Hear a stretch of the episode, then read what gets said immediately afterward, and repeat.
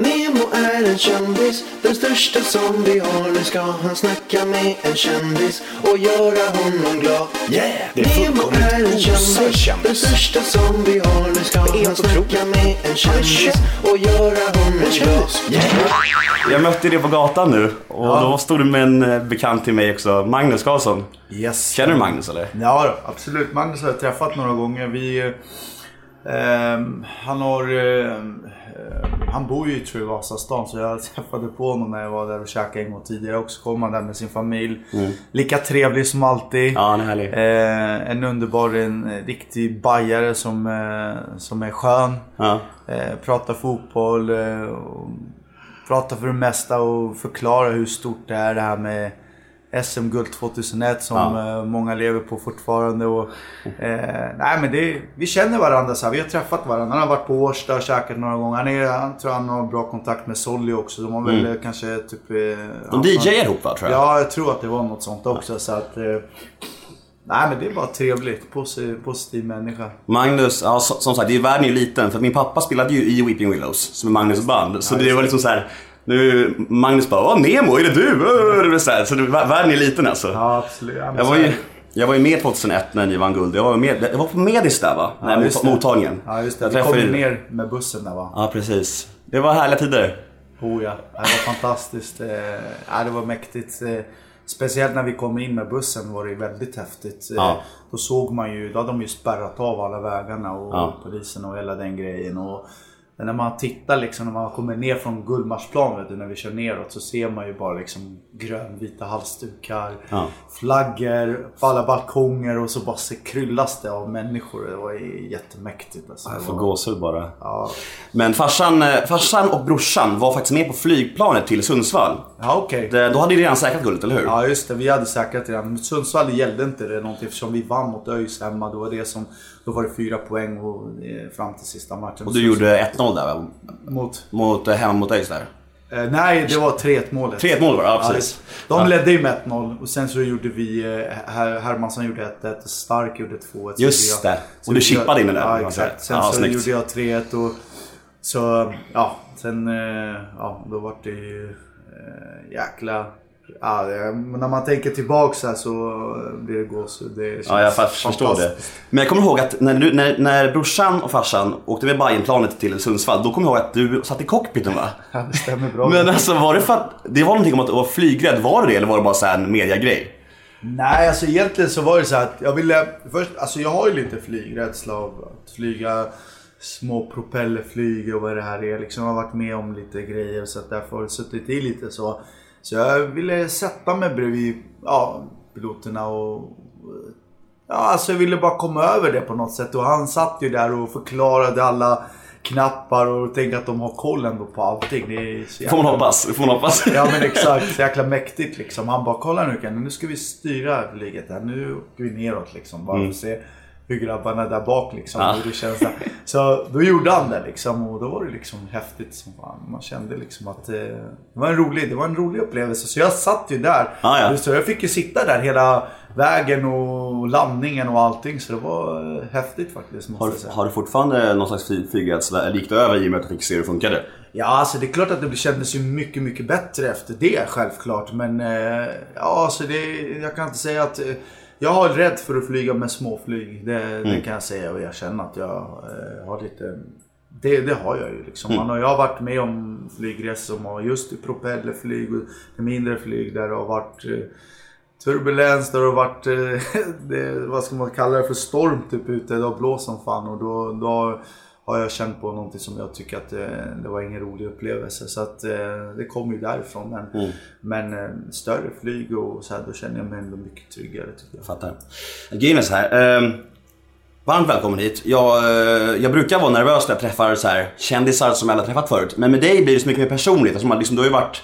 Du är ju största bajaren alltså, som finns. Och det, det får ju du höra säkert dagligen. Och man märker det nu när jag träffade dig på gatan med Magnus. Alltså, Magnus är ju ändå en etablerad kändisbajare också. Och han, han är nästan starstruck med dig också. Förstår du? Alltså till och med de stora bajarna. För att du är så pass stor inom bajen. Och det är så här mäktigt att se på något sätt. Jag alltså, jag är väldigt glad du är här i alla fall. Och jag ska försöka göra en intervju lite annorlunda. För att jag har hört på intervjuer med dig Och du får nästan alltid svara på samma frågor. Det är det så här, ja hur ser du på Bayern liksom? Ja. Då får du svara så här, ja kärlek, gemenskap, lalala. Och visst, det, är, det finns något fint i det. Men jag ska försöka ställa lite frågor som du inte fått förut. Ja, okej. För allas skull tycker jag. Det- ja. ja, först och främst, hur mår du? Hur känns kroppen? Uh, ja, det är en bra fråga. Jo, det är... Kroppen är väl helt okej tycker jag, men inte hundra. Det har varit en hel del eh, små skavanker det här året. Eh, Åkte mycket skador i år och det har tagit mig tid att komma tillbaks. Sen eh, känner jag liksom att eh, det är klart att jag, jag kan inte lägga för mycket press på mig själv heller. Jag menar, jag är snart 35 börjar kanske eh, gå mot eh, en, en ålder där, eh, där man inte kan förvänta och sätta så jävla stora höga förväntningar på sig själv att man ska vara dominant i varje match liksom. Men jag hoppas att jag i alla fall kan vara skadefri framöver. Nu har jag ett plusår där och så får vi se liksom hur det året där jag hoppas att där jag absolut inte kommer dras med skador så jag kan komma upp i en bra nivå i alla fall och göra mitt bästa så får vi se hur långt det räcker. Men annars mår jag bra så här. Om man inte pratar fotbollsmässigt så, så är, mår jag bra som person och, och har det bra så det är inga konstigheter. Är det mycket jobbigare och svårare att hålla igång kroppen nu än för tio år sedan? Oh, ja.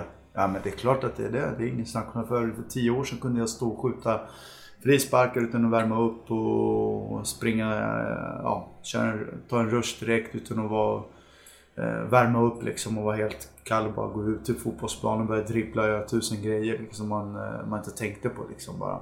Nu är det mer att man är eh, extra försiktig med att kroppen måste komma igång ordentligt. Eh, Eh, Det tyder ju på att man börjar bli gammal, så är det ju. Känner du att du håller igen mer? Alltså jag tänker så här, går inte in i en onödig duell kanske liksom för att du kan bli skadad? Ja, alltså jag tycker liksom att självklart så är det så här att alla spelare har ju sina egenskaper. Man får ju tänka på det. Sen kanske det ser lite hemskt ut ibland, kanske i vissa matcher att man känner fan varför går inte Kennedy in i duellen i 200 blås? Men vi har andra spelare som är sådana typer som, som Persson eh, och vissa andra som, som eh, har varit med om det och har växt upp och spelat den här tuffa, hårda fotbollen. Eh, jag har också varit med om att gjort det men jag har en helt annan fotbollskropp än vad de har. Så att man måste vara lite smart. Det är kanske därför jag också har klarat mig från de riktiga skadorna på grund av att jag har sett situationerna där jag liksom ska vara lite smart och veta vad jag gör i den sekunden. Så att, eh, som du tittar på Erik här nu som fick sig den här smällen. Det, är- han har åkt dit på många sådana tidigare men just den här var ju kanske lite värre. Eh, och så, men eh, han är också en riktig fighter. Han går in i 200 blås i alla situationer, orädd liksom så här. Men jag har aldrig varit den typen av spelare. Eh, så att alla har ju olika liksom sätt att vara. Och det är klart att jag tänker ibland på att det är onödigt att gå in i en duell där jag känner att det kan bli så att jag blir skadad och då kan jag vara borta länge och då kanske min, min karriär är över eftersom jag är snart 35. Hur, alltså, hur, men hur många år planerar du att eh, spela liksom, ja, på allsvensk nivå, Bayern-nivå? Har du någon tanke med sånt eller tar det som det kommer lite grann? Ja, så jag får ju ta det lite grann som det kommer. Samtidigt så, bör, så måste man ju förstå också att, eh, att eh, ju äldre man blir desto svårare blir det. Liksom. Tempot blir ju högre och man det gäller att man liksom är fräsch och i skallen, fräsch i kroppen för att kunna göra de här matcherna. För att kunna se till att man är bra och nog för att kunna få ut max av sig själv också. Det är det också liksom. Du kan ju inte det, känns ju inte bra för mig personligen om jag går ut på plan och inte kan längre göra det jag vet att jag har kunnat gjort tidigare. Då, då blir det någon form av en, ingen rolig... Eh, eh, det blir kanske någon form, form av frustration. Jag vet inte men eh, jag har inte kommit dit än. Men, men eh, det är klart att eh, du, vill ju, du vill ju känna att det känns rätt i alla fall. Precis. Du var ju på en löjligt hög nivå, framförallt andra halvan av förra säsongen och början på säsongen i år. Då var det ju väldigt hög nivå, det såg ju alla liksom. Och jag antar att du kände det själv också. Eh, tror du att du kommer komma tillbaka till den nivån som du hade då? Eller, och, alltså, och när man är 35 som du är, alltså det är ganska mycket du får, alltså det är liksom, det är ett projekt att kämpa tillbaka till den nivån. Så det är ju liksom Exakt. som att man jobbar på en träning liksom. Nej, nej, nej, absolut inte. Alltså först och främst så, det året 14 när vi gick upp då till Allsvenskan, det var ju en sån magisk form. Alltså det var ju... Det var helt sjukt. Det var, alltså det bara flöt på. Jag hade ingen tanke på att eh, ålder har någon betydelse alls. Och jag har inte den tanken fortfarande. Men efter att eh, sen börjar ju ändå vi ändå ganska bra första 4, 5, 6 matcherna där. Där jag ändå är med på ganska bra och har den formen jag hade 14 och följer med på 2015 på ett bra sätt i starten av Allsvenskan. Där jag ändå har, vad är det, på sex matcher, jag vet inte, det är tre mål och två assist. Drömmål mot Djurgården. Ja, jag menar exakt. Så mm. jag menar, då kände jag så här, shit, det här kan leda till något så fruktansvärt bra det här året med. Men sen tyvärr så kommer min skada. Då är det ju mot Örebro borta då, då som eh, som jag får framsidan när jag får kliva av och sen så efter 12-13 dagar så går jag in för tidigt och då blir det Sundsvall. Då missar jag derbyt först och främst mot AIK. Går in för tidigt, slår upp samma skada igen och är borta igen. Men sen så kommer jag tillbaka och kämpar mig tillbaks. Då har jag missat mer än en månad. Tappat 7, 6, 7 matcher vad det är för någonting. Och sen kommer jag tillbaks och då får jag vatproblem igen. Då är det något annat som jag sett. Så min tempo, min form eh, gjorde så att jag fick alltid backa två, tre steg varje gång jag tog ett steg framåt. Då mm. fick jag backa hela tiden. Så det, det, det, det gjorde inte så att jag kände att jag kunde gå mot min form utan det satte stopp för mig lite grann. Och, mm. och nu har jag fått en hel del matcher men, men det är klart att jag är absolut inte där. Det, det kan jag säga. Det, det känner jag inte att jag är där jag var i början av säsongen. Det, det är jag inte. Det jag är på, om jag ska vara ärlig mot mig själv så är jag uppe i 70-80% max av det, det jag hade. Men, men det känns ju som att jag är på väg uppåt i alla mm. fall. Det hade jag en känning av redan mot Gävle och AIK tycker att det är en bra match eh, mm. utfört från mig och hela laget. Så att vi är ju på väg mot uppåtform. Men Sen är det bara fyra matcher kvar och det mm. hade önskat att det hade kommit tidigare. Mm. Men att det kommer överhuvudtaget är ju grevens tid å andra sidan. Så. ja, jo, absolut. Men så är det ju. Eh, vi vet ju att vi är kapabla till det mesta om vi mm. bara får det att funka och då kan vi slå vilket lag som helst på hemmaplan. Och... Men orkar du göra vad som krävs alltså, i träningsmässigt för att dominera ännu en gång känner du? Alltså, du känner ja, att du har det i dig? Att... Ja, jo, då, jo då, det har jag. Jag har ju som sagt Claes Hellgren är ju fystränare och eh, jag brukar diskutera mycket med honom. Det är klart att i vissa upplägg måste man ju tänka på min ålder. Då måste man dra ner på vissa, viss belastning. Så att jag känner att jag är 100 till match. Det är det som är viktigast. Det är att jag är fräsch så jag kan utföra 90 minuters eh, jobb på plan där jag känner att nu kan jag spendera hela kraften här. Vill inte kunna göra det för mycket under veckans gång. Då kanske man kan bromsa in lite på vissa saker. Men ändå inte liksom vara för bekväm utan man måste ju sätta sig själv hela tiden. En, eh, alltså maxa sig själv mm. egentligen. Det är ändå bra grej. Men nu vet jag liksom att det är fyra matcher kvar i år och eh, jag hade önskat att, hade, att jag hade haft eh, ja, fler poäng än vad jag har eh, mm. det här året. Men det finns ju en baktanke i det hela. Alltså det finns ju en, ja, med varför det har blivit som det har blivit också. Och jag förstår det men sen om andra inte förstår det, det, det, det får ju tolkas på vilket sätt som helst. Nu förstår de, när de får höra det här. Ja absolut, det, men jag tror att många vet om att jag har aldrig kunnat komma i form på grund av mina skador. Så att mm. det är stopp för mig. Men samtidigt så är man äldre då tar det längre tid. Då måste man vara medveten om så att eh, jag, jag ser det här, det här året som en eh, kommande säsong som en revanschsäsong mm. Men det måste ändå ligga någon slags frustration i dig med tanke på att du vet hur hög din högsta nivå är. Du vet vad du var där i början av året. Liksom, att du känner att kroppen ändå är okej, okay, men ändå så är det någonting som inte liksom når inte ända, ända dit. Nej. Är det frustrerande personligen för dig? Klart det är frustrerande. Speciellt när man vet, som du säger, man, är, man vet hur man är kapabel till. Man vet hur man har för egenskaper. Man vet ju vad man kan och vad jag kan göra med bollen när jag har den på mina fötter. Då vet jag att det är mycket som kan hända. Antingen slå avgörande passning, spela fram till någon annan. Eh, det är skott, det är frispark, hörnor, vad det nu är. Jag vet att jag, när, när allt det här inte stämmer som det ska för min del. Det är klart att det känns ju inte roligt. Då, då vill man jobba hårdare och tuffare på det för att se till att det ska funka. Men nu har det inte blivit så på grund av att vi har haft en väldigt tight schema. Vi har haft typ 3-4 matcher inom 10-12 dagar. Då, då blir det väldigt mycket. Då försöker man mest dra ner på det mesta så att man är bara är fräsch till matchdag. Men, men eh, kommande säsong eh, som jag har här plus året då, då så hoppas jag och tror ju självklart att eh, Spring? Is that you? Warmer temps mean new Allbirds styles. Meet the Superlight Collection, the lightest ever shoes from Allbirds, now in fresh colors. These must have travel shoes have a lighter than air feel and barely there fit that made them the most packable shoes ever. Plus, they're comfy right out of the box. That means more comfort and less baggage. Experience how Allbirds is redefining comfort. Visit allbirds.com and use code SUPER24 for a free pair of socks with a purchase of $48 or more. That's A L L B I R D S.com, code SUPER24. Eh, jag kan få revansch eh, från det som har varit och hoppas att jag är mer skadefri. alltså. Hur bra är du skulle du säga på din hö- högsta nivå? Ja, Jag är jättebra när jag är på min högsta nivå. Då Mm. håller jag en jättehög klass i Allsvenskan. Det är jag övertygad om. Men Bäst fot av alla? jag ska inte vara stöddig och sitta och säga det här egentligen. Men det finns många bra spelare i Allsvenskan som har bra högerfot. Absolut.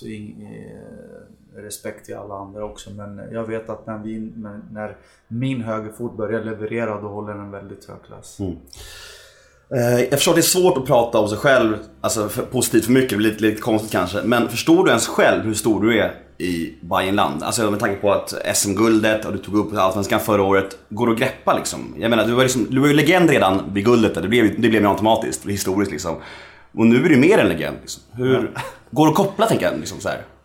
Ja, alltså, Det är så mycket folk, liksom. Ja, Det är så mycket folk. Alltså, det, är, det är ju så här du vet. eh, Under mina år som jag har spelat utomlands eh, så har det varit mest att eh, Alltså man har alltid tänkt tillbaks de här fina åren som man har haft i Bayern. Då har man alltid tänkt på fan nu är man i, nu är Bayern åkt ur Allsvenskan. Shit det här känns inte bra. Fast man spelar utomlands, man är själv i sin karriär. Eh, men det, det, det sved hjärtat många gånger när jag tittade tabellen, när jag försökte titta på matcher där det inte gick bra. Och man ser hur våra supporter verkligen eh, ja, men är väldigt missnöjda, besvikna. frustrerade. prövade. Ja, men hårt prövade. Man ser hur folk, eh, just i derbymatcherna på Söderstadion där man stormade in bland annat. Och det blir mycket frustration och, och så här. Så att, klart att jag kände en vacker dag, shit det här ska jag ändra på. Jag vill dit och ändra på allting. Jag vill dit och se till att fan, jag ska göra allt vad jag kan för att se till att Bayern kommer till Allsvenskan.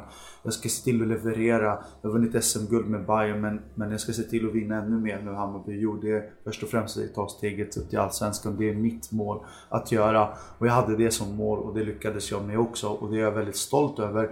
Och sen förstår jag ju liksom hur stor jag är i mångas ögon. Det, det har jag ju förstått sen tidigare. Men jag vet att det har blivit ännu mer sen vi tog steget upp till Allsvenskan så tror jag att eh, både jag och många andra i laget har gjort så många eh, människor lyckligare och gladare. Eh, och det är jag väldigt stolt över och jag kommer alltid vara den jag är, ödmjuk och alltid positiv. Och, så att jag är mer än tacksam att många ser upp till mig och, tycker om mig. Så det är jag väldigt glad för. Alltså jag, jag fick typ gåshud bara du pratar om det här, att planen att komma hem och ta upp hos Allsvenskan. Det, det, det är liksom... Ja, det är... Tack!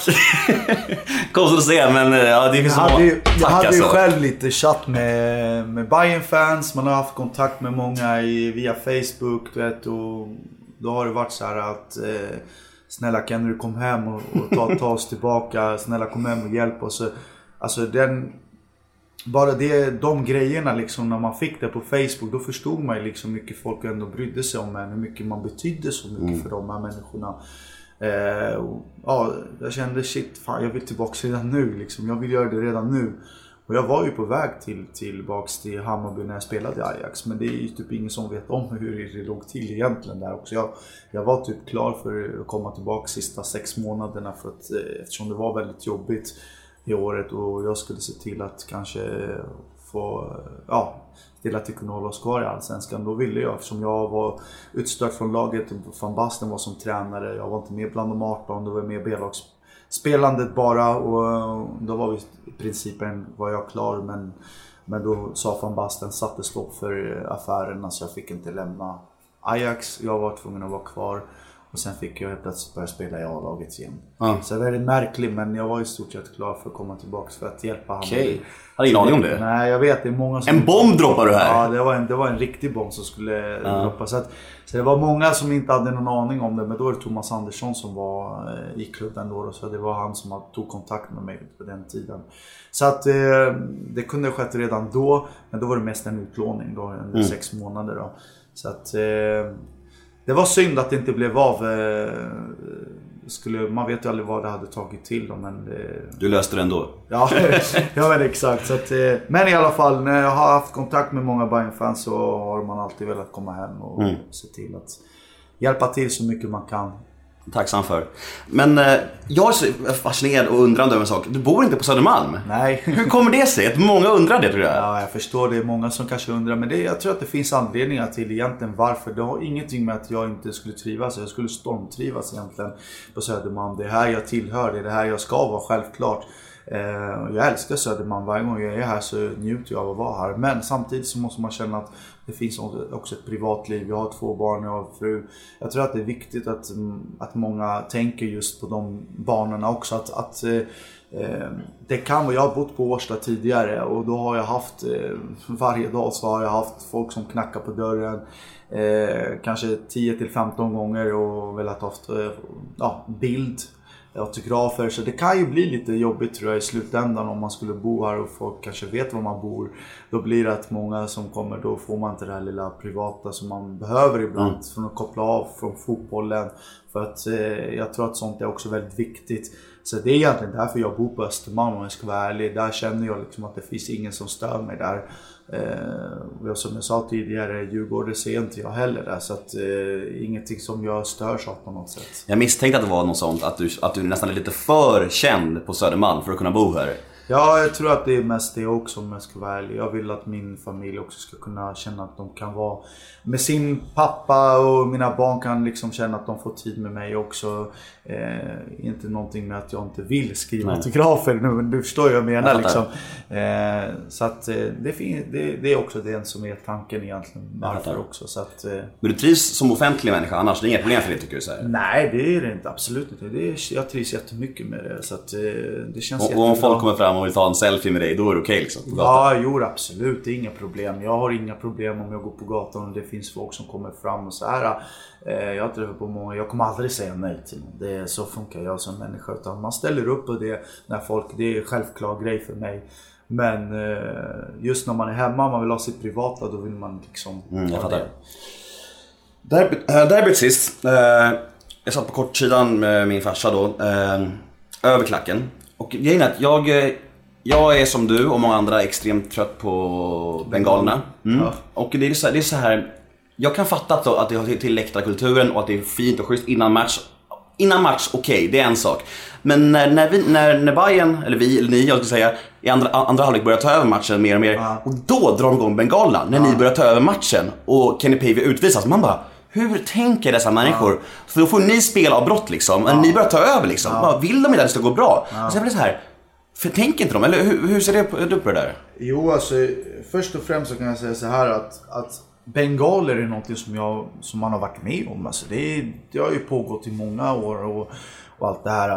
Eh, så det tycker jag är fint att man har bengaler just när man är som sagt eh, Ja, när man går ut till planen då, då är det okej så här. Men speciellt när eh, Jag tror att de måste, det måste finnas någon form av en ledare just i det i det, alltså kretsarna där de som tänder de här bengalerna, att det är någon som säger nu kan ni göra det, eller nu gör vi inte det. Förstår du vad jag menar riktigt? För att när vi håller på att ta över matchen, så som nu sist här, och så börjar vi få det här avbrottet och AIK är man mindre, då får ju de vila. Exakt. Och då får ju de återhämta sig, då har de nya krafter att kunna stå emot oss. Så därför måste det finnas någon form av en ledare, ledare där som säger sätter stopp för det här direkt. För att jag personligen tycker att det blir för mycket avbrott. När det blir för mycket avbrott, då blir det också att man sjunker ner i tempo. Man sjunker ner i den här rytmen, adrenalinet som är här uppe när man vill så mycket. Och då tar det tid tills man kommer in i det igen och då kanske det är för sent. Precis. Så att eh, man uppskattar att, eh, att, eh, att man kanske tänker en extra noga innan man gör det. Mm. Så slutsatsen är, före match, okej, under match, inte alls. Ja, alltså jag tycker före match okej. Det är inga problem. Då förstår man liksom att eh, man vill göra en fin grej. Det är självklart. Och sen när vi går till, ut i halvtid, då får de gärna tända någonting då med. För då är det ändå 15 minuter. På 15 minuter lär det försvinna. Då är det, då är det okej tycker jag också. Men inte under matchens Nej, ge fan i det, håller jag med om. Ja. Det, det, det förstör bara för Bayern. Eh, hur är du som farsa? Hur förändrade faderskapet dig skulle du säga som människa när du fick kids? Ja, alltså jag själv har ju ändå växt upp eh, med min far som har varit väldigt hård och tuff eh, i sitt sätt. eh, Var mot mig på grund av att han visste liksom att det här är det som krävs för att man ska lyckas inom fotboll och som person. Hur ska man vara? Jo, man ska ha respekt. Om du, om du har respekt för en annan så kommer du få respekt tillbaka. Var alltid ödmjuk, ha fötterna på jorden, då, då du kommer lyckas. Och glöm aldrig att du tror på dig själv, det är det viktigaste. Så att de bitarna har jag tagit med mig under, under den uppväxten som jag har fått lära mig av mina föräldrar. Eh, som pappa är jag, tror jag, är jättebra pappa till mina barn. Alltså, eh, Skämmer du bort dem? otroligt mycket och det kan vara farligt tror jag. Men samtidigt så... Jag tror det är svårt att inte göra det måste det vara. Ja, det är ju så. Men älskar man sina barn så otroligt mycket, de betyder allt för mig. Jag menar, då, då blir det så att eh, jag skulle, jag skulle få skuldkänslor om jag verkligen inte... eh, så- Alltså man kan säga nej, man ska säga nej till sina barn och lära dem vad som är rätt och fel och inte bara ta för givet på allting. Det är jätteviktigt ju. Eh, Men man får också samtidigt skuldkänslor även om det är jobbigt, det är tufft att säga emot sina barn. Men så måste man göra det ibland för att de ska förstå det. Så att de får den rätta uppväxten. För mina barn ska inte leva på att sin pappa är känd, eh, sin pappa har, har det bra ställt, eller vi har det bra ställt, vi är trygga. Utan de ska kämpa, de ska, de ska jobba som jag har gjort- och deras mamma har gjort. Eh, sen självklart kommer jag alltid ställa upp och ge dem det de, det de behöver. Men så länge jag vet att de gör det de ska så kommer de få någonting tillbaks också. Så att, eh, men som pappa är jag väldigt snäll pappa och omtänksam. Mycket kärlek. Det låter som vettiga värderingar. Men, Ja. jag, men jag tänker som, eh, du har en son, Leo. Eh, alltså, har du en hemlig dröm om att han skulle bli fotbollsspelare? Eh, absolut, jag vill att han ska ta över eh, pappas fotspår. I Bayern? Ja, absolut, självklart. Ha, ha, hur gammal är han? Han är tre år. Okej, har du börjat lira med honom? Du, han sparkar fotboll hemma så det sjunger om. Det är heja Bayern skriker han. Han har fått lära sig krossa Djurgården och Gnaget. Så han är helt fanatiker. Nu snackar är- vi bra uppfostran. Oh ja, oh ja. Han har Hammarby-tröjan på sig dag in dag ut. Han tar aldrig av sig Hammarby-tröjan. Det är Hammarby varje dag när han ska gå till dagis. Det är ingen som är bajare. Han är den, han är den enda bajaren som På Östermalm. Ja, ja, visst. Han går ut med pappas tröja. Det står Leo 10 på den. Och sen så får ingen röra hans tröja. Och den som rör den, då blir det, eh, ja, det blir kaos kan jag säga. och så står han och sparkar eh, boll och sen så ska han sätta på Hammarby-låten säger han. Just idag är jag stark pappa. Idag måste pappa, pappa sätt på Hammarby-låten säger han. Då står han och då jäklar, då, då, då springer han som 17 och sparkar på boll. Det är underbart. Så han har definitivt kommit helt rätt i, i den uppfostran. Eh, det är jag väldigt glad för. Och, eh, han har inget val, så att det är bara det som gäller. Perfekt. Tänkte fråga lite saker som, som, eller lite frågor som du säkert aldrig har fått förut. Som vissa, vissa, vissa, vissa på Twitter och Instagram var nyfikna på sånt här. Eh, lite mer så här snabbfrågor. Vad skrattar du åt? Alltså om man tänker så film och tv-serier. Ser du på något sånt eller? Ja, alltså jag, jag ser ju självklart på det. Men det är oftast när man har två barn. Det är väldigt tufft att sitta och planera Chilla. in.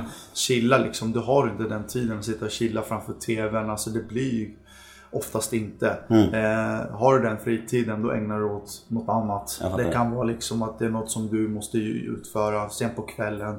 Som du försöker göra för barnen tar ju så otroligt mycket energi av en. Så det blir väldigt mycket tid som går åt det. Eh, självklart chillar jag framför TVn lite då och då och tittar på eh, om det, jag vet inte, det kan vara allt möjligt. Eh, jag tittar på allt. Okej. Så det är inget, inget så här märkvärdigt. Vad äter du helst för godis? Eh, karamellkungen blir det väl. Det det. och sen tycker jag om faktiskt de här uh, turkiska peppar, jag gillar lakrits. Mm. Det är gott. Vad lyssnar du på helst på för, för musik? Ehm, jag gillar all slags musik. Pop, R&B. Mm. Jag gillar eh, latinomusik också väldigt mycket. Fick, jag, fick man lära sig att man skulle lyssna på i omklädningsrummen i Spanien i alla fall. Jag hade mycket argentinare och brasilianare där. Så att, eh, även i Ajax, eh, från Uruguay, Suarez och alla de här grabbarna. Så att, eh, så att det, det gillar jag väldigt mycket. Jag gillar all slags musik. Din syn på alkohol? Bland, bland idrottsmän då? Dricker du alkohol? Jag dricker alkohol men inte, inte, det är knappt att det händer egentligen. Så att, eh, jag gör det oftast aldrig liksom att... Eh, det kan vara att vi har vunnit en match, vi är, nästa dag är vi lediga. Då går vi ut med laget kanske och tar oss kanske några bärs. Eh, ja, någon kanske champagne och fira lite, man skålar lite och har lite kul. Men det, det får inte bli att det spårar ut att man är helt väck. Nej. För sånt, eh, det, det kommer inte hända mig i alla fall. Nej. Utan jag vill, jag vill ha kontroll på mig själv, vad jag gör. Eftersom är man en, en förebild och är så pass eh, igenkänd av många människor så står alltid folk och filmar eh, med sina mobiler som jag absolut inte gillar. Men, men det finns alltid idioter som vill alltid sätta dit en eh, via en filmning om man gör något konstigt. Så att eh, det gäller att man är uppmärksam hela tiden, vet vad man gör. Eh, Jag har ingenting eh, egentligen mot alkohol men det enda jag har emot är faktiskt folk som dricker som inte har någon måtta veta vad som gäller efter att man har druckit. Att det kan vara sista ölen, om det ska vara sista glaset. Eh, Att det inte går till överstyr, att man inte vet vad man håller på med. Att man liksom eh, blir så pass borta att man inte vet minst någonting. Det tycker inte jag är, eh, är bra. Då har man ingen, alltså då har man ingen, hur ska man säga, när det är hum om vad alkoholen kan göra med en. Alltså då måste man ju dra ner enormt på det. Man ska ha respekt för alkohol. Exakt, det var det jag ville komma till, fram till. Man ska ha respekt för alkohol för att Eh, den kan se till att du gör konstiga saker som du ångrar sen.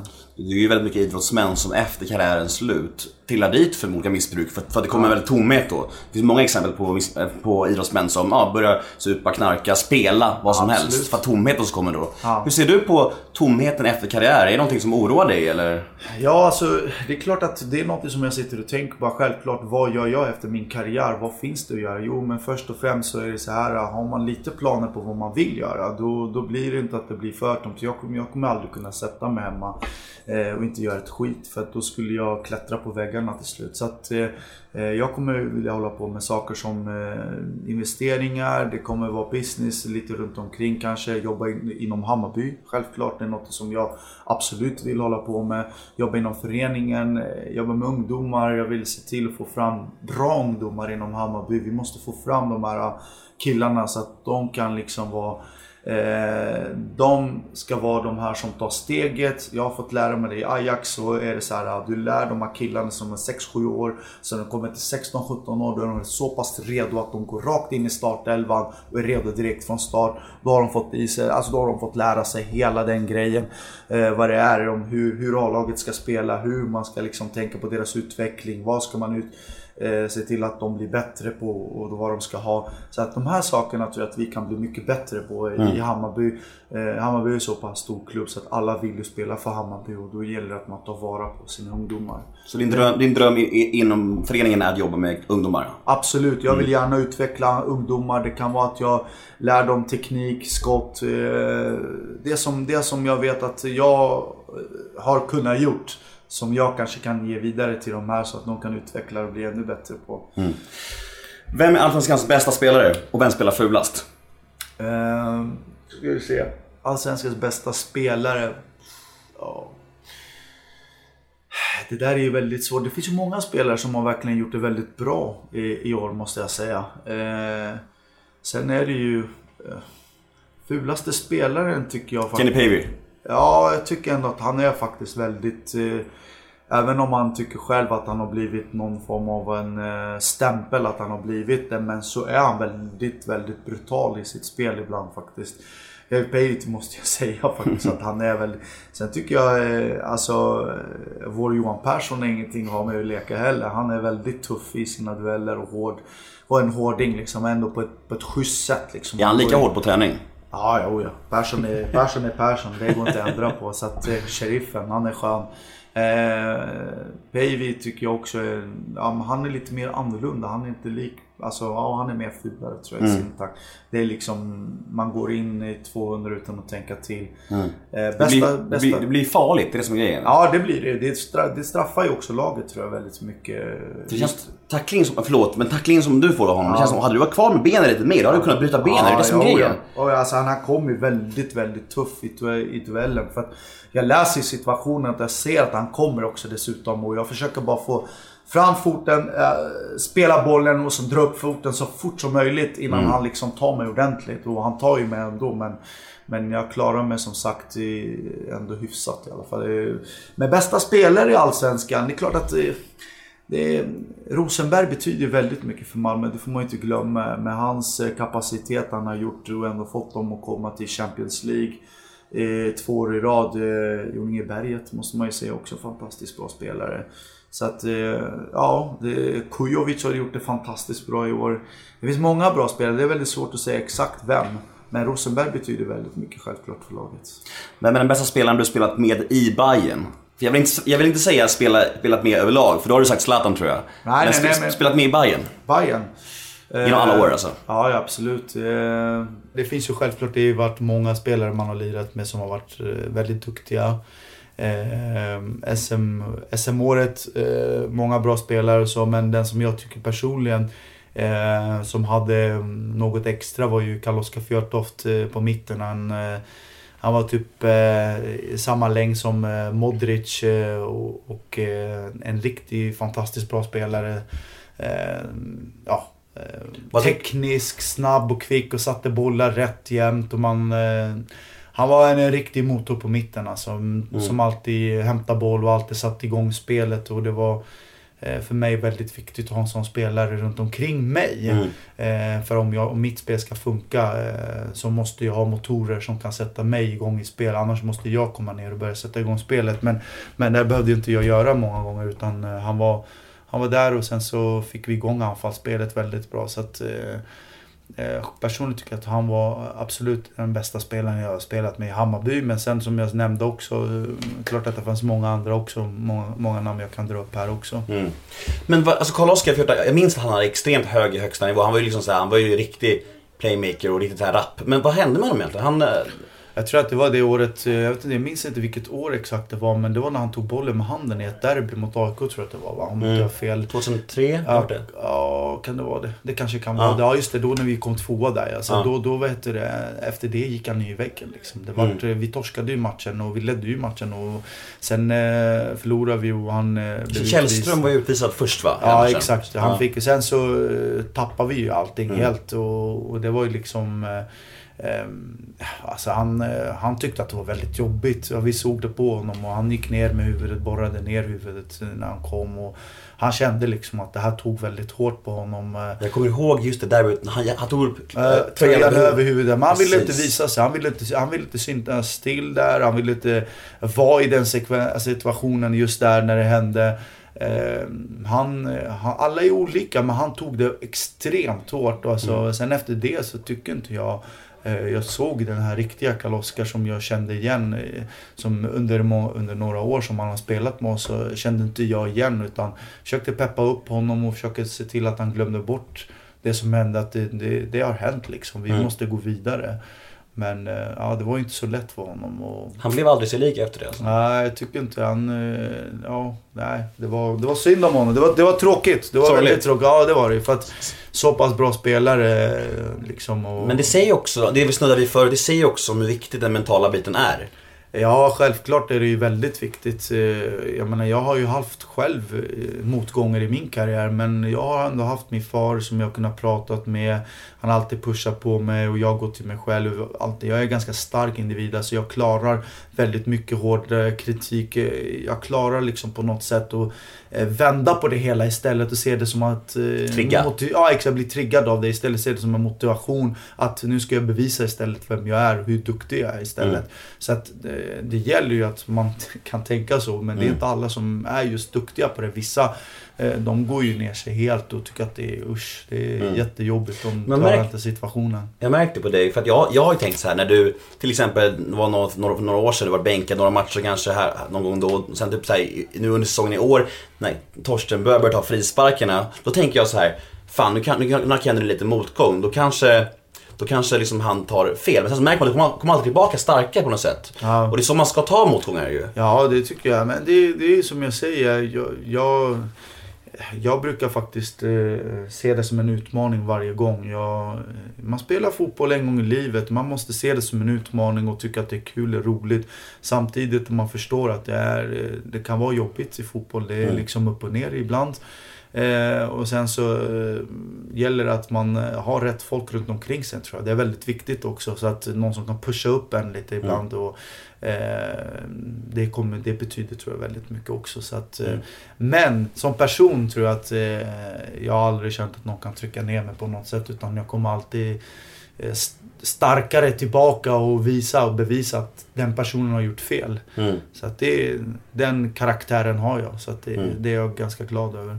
Ja, men just det här, det här, vi snuddade vid nyss, men det här med eh, att Torstenberg fick ta frisparkarna under två, tre matcher eller vad det var under, under säsongen. Hur reagerar du på en sån sak? Eh, ja, så det är klart att det, det är ju inte... Det är inte det jag hade hoppats på, som sagt. Det är inte så att jag ska stå och titta på när någon annan slår frisparkar och Blir du sur? Eh, alltså, det är klart att eh, du måste, det måste ju ändå kännas. Du måste ju känna att någonting inte är bra. Eh, men det kanske också var en, en grej som Nanne kanske bara tillfälligt ville prova liksom. Mm. Och så, men... Eh, Uppenbarligen var det det. Ja, jo alltså det, det tror jag säkert. Och sen, sen har ju Fredrik också ganska bra fot liksom så här, men, men eh, jag lever ju på min högerdoja. Jag Mm. vet ju att det är den som eh, styr ganska mycket. Eh, och jag vet att motståndarna blir väldigt nervösa när jag har ett skottläge, frisparksläge eller hörna och det är. Då vet jag liksom hur man kan se på målvakt, man kan se liksom hur aktiva de blir, Mm. så pass aktiva på en gång. Så att jag menar, självklart så, så tycker jag att jag är den som ska slå. För att Mm. jag har en så bra kvalitet. Ja, jo men det är rimligt. Jag var lite nyfiken på en sak. Vilka, nu i Bayern så här, jag satt här inne och kollade på alla spelare och så tänkte jag så här, undrar vilka Kenner du umgås med här i laget? Vil- Vilka är dina polare i laget? Vilka hänger du Alla, mest med? alla är mina polare. Är det så? Ja, det är klart. Men fan, jag, är- jag är kapten, jag känner mig som en farsa i laget. Ja. Det är klart att jag är bra vän med allihopa. Men sen är det klart att jag inte kan säga att jag sitter och umgås med, med ungdomarna liksom Nej. i fritiden. Det, det gör jag inte. Men, eh, men det är väl egentligen alltså, de, de som man har känt ganska bra. Det är ju Batan, eh, Pablo som, som eh, jag har känt i så många år också. Stefan Batan var ju min granne som tidigare. Eh, Persson är ju skön lirare. Så det Mm. finns ju Erik. Eh, alltså det är många vi ju umgås liksom. Händer det Vi- att du- käkar middag med Pablo? Jo, ja, vi då, det här har vi gjort flera gånger. Det, Mm. Jag har ju träffats eh, en, en, eh, kvällar då vi eh, har kommit hem till Pablo också. Spelat lite kort och haft det lite trevligt tillsammans, skrattat och haft det roligt. Så jag tror att eh, det är så att vi ändå vi umgås bra med, alltså just här så umgås vi hur som helst med varandra och man träffar varandra och man har glädje och det är laganda och hela den grejen. Men vid sidan av fotbollen händer det självklart att man träffas för en middag eller så är man hemma hos någon av killarna. Mm. har lite trevligt, pratar skit, skrattar lite och kan vara fotbollssnack också. Så att Mm, mm, titta cool. på fotboll. Så det gör. Fast Pablo är, alltså om man ska stanna vid honom en, en sekund. Han är en spelare som för mig är lite mysterium. För att jag vet, jag, man har ju sett hans, han, på tal om högsta nivåer, han har ju också extremt hög högsta nivå. Ja, ja, Han, alltså, när han gjorde fyra mål mot Elfsborg liksom för, Ja. förra året. Det är så här, i Allsvenskan. Liksom, det gör ju ingen normalspelare. Nej. Så det är också så här, han får inte riktigt ut det känner jag, nu senaste året. Och, Ja, men Pablo har, alltså, Pablo har alltid varit en viktig spelare för oss och det vet vi ju om. Eh, han har, det året 2014 när vi går upp, då får man inte glömma vad han har presterat och visat. Han har legat bakom så många segrar, han har legat bakom så mycket jobb, många assister, många snygga mål dessutom och många fixat många straffar. Eh, Så han har ju liksom verkligen varit den spelaren som vi har verkligen behövt där framme och gjort det fantastiskt bra. Så att, Mm. eh, och i år klart att eh, Pablo det har varit lite mer annorlunda. Han kanske har fått så mycket mindre speltid Mm. det här året och då är det inte så lätt att visa någonting om du inte får speltid heller. Det får man inte glömma. Plus att han har varit skadad. Och så här, så att Klart att nu gjorde han mål sist där i 21 tror jag det var. Mot drömmål. Ja, jättefint mål. Eh, Jag var glad för Pablos skull faktiskt. Eh, Så att eh, jag har alltid gillat Pablo och tycker att det är en eh, mycket bra fotbollsspelare som har ögat för att kunna se, eh, sätta avgörande passningar, kunna göra mål och är Mm. stark och smart spelare. Så att, eh, eh, nej, men Pablo tycker jag ändå han har visat vad han, hur duktig han är Mm. faktiskt. så han och du kommer komma tillbaka till högsta, alltså allsvensk nivå. Ja, det hoppas jag självklart. Perfekt, ett löfte. Ehm, du och din fru, eller inte din fru, Nej. ni var förlovade. Ja. Hur träffades ni?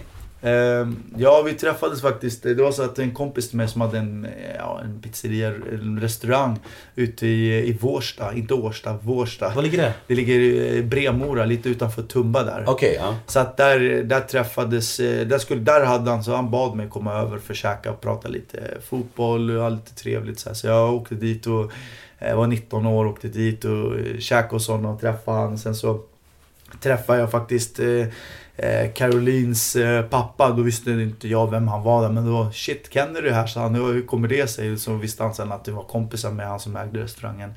Eh, han bara, fan vad kul, vad roligt. Fan, det, han håller på Bayern och hela den grejen. Så att, fan du måste träffa min dotter ju. han till mig. Jag bara, vad trevligt då. Ja. Så, sen så träffades vi just nu och så, så hälsade vi bara på varandra. Ja. Så här. Och sen så känns det som att det klickade ganska bra där direkt. Eh, Han hade en, en sån här drömvision så här. Ja. Du måste bli ihop med min dotter, så Ja. blev det så också. Ja, jo men det kanske det. Jag vet inte. Men, eh, eh, så att vi, vi träffades eh, sen efter och sen har vi ja, varit tillsammans eh, fram till nu. Så det har varit ihop i 16 år kan man Mm. nästan säga. Förlovade. Ja, förlovade. Sen? Sen eh, 2002. Mm. Så att det var väl innan jag skulle bli proffs som eh, vi valde att eh, vi förlovade oss och sen så hoppas vi att det blir giftermål efter det. Men sen Mm. har det liksom varit proffslivet.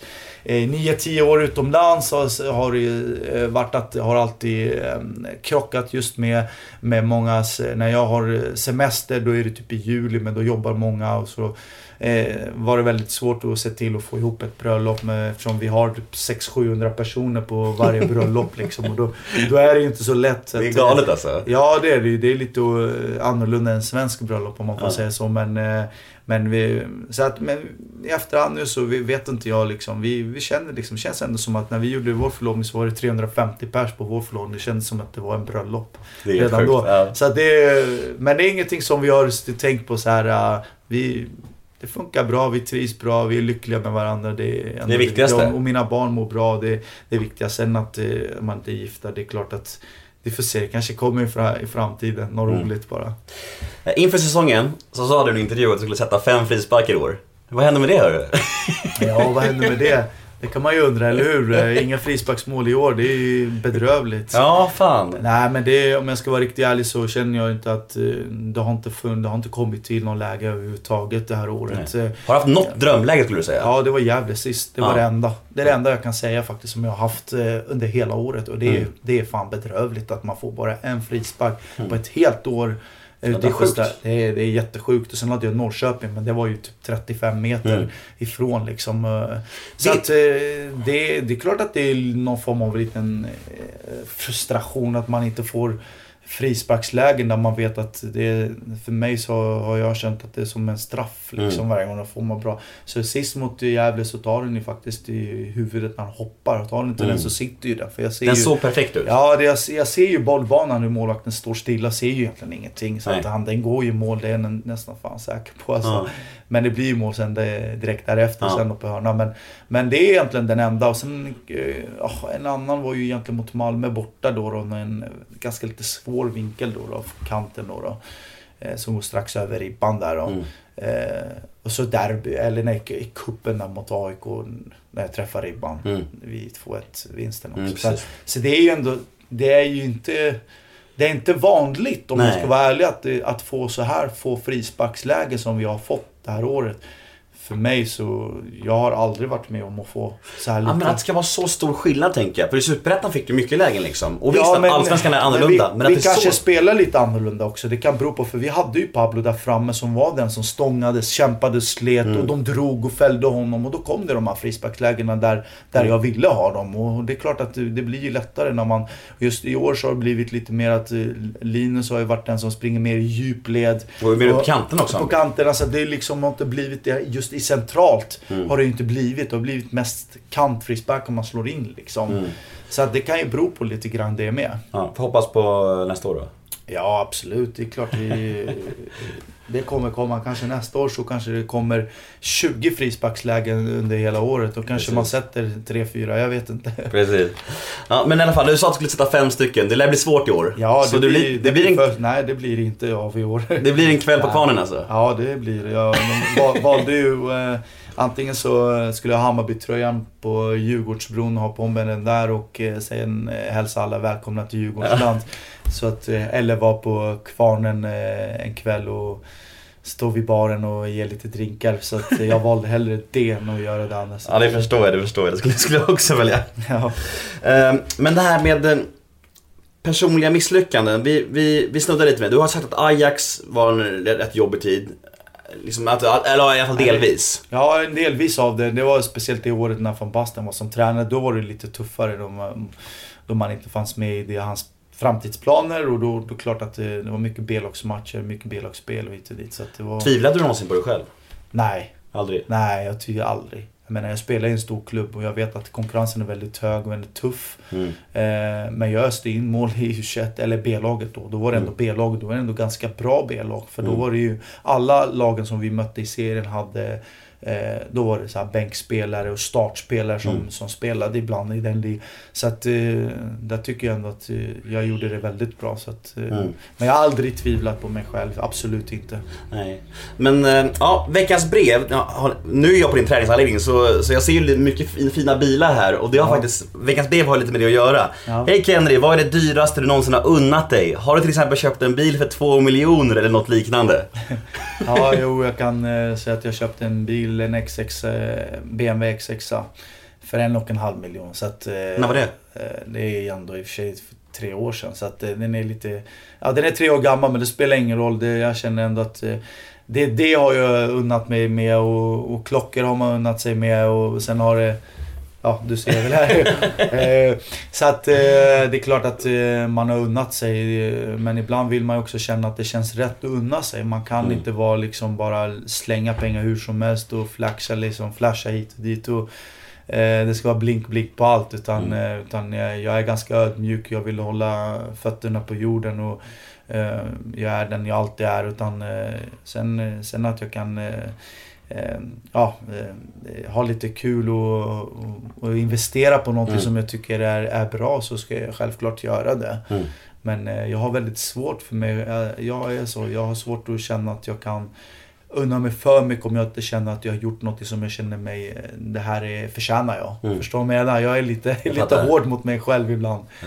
Så att, men det kan vara bra sätt, på ett bra sätt tror jag. Mm. Annars hade pengarna bara försvunnit för länge sedan. Kanske. Men du har högst lön i Bajen va? Eh, det, ja, det vet inte jag. Jag vet inte vad de andra tjänar. Men, eh, Ni fick inte stå i duschen och säga såhär, fan vad har du lön? men eh, Nej, jag, tror, jag, jag tror inte att det är någon som har så bra lön som jag. Det vore konstigt. Ja, det skulle vara konstigt. Men det, men men det är det viktigaste. exakt, verkligen. Och du, du är inne på det själv, det här med att man ska unna sig när det går bra. Och det är ju rimlig Ja. Mm. inställning. För det känns som att du är ganska självkritisk och väldigt hård mot dig själv. Ja. Eh, det här med... Annars lyckas man inte om man inte är. Nej. Så, så, så funkar jag liksom. Mm. Det, är du inte hård mot dig själv och ställer inte krav på dig själv.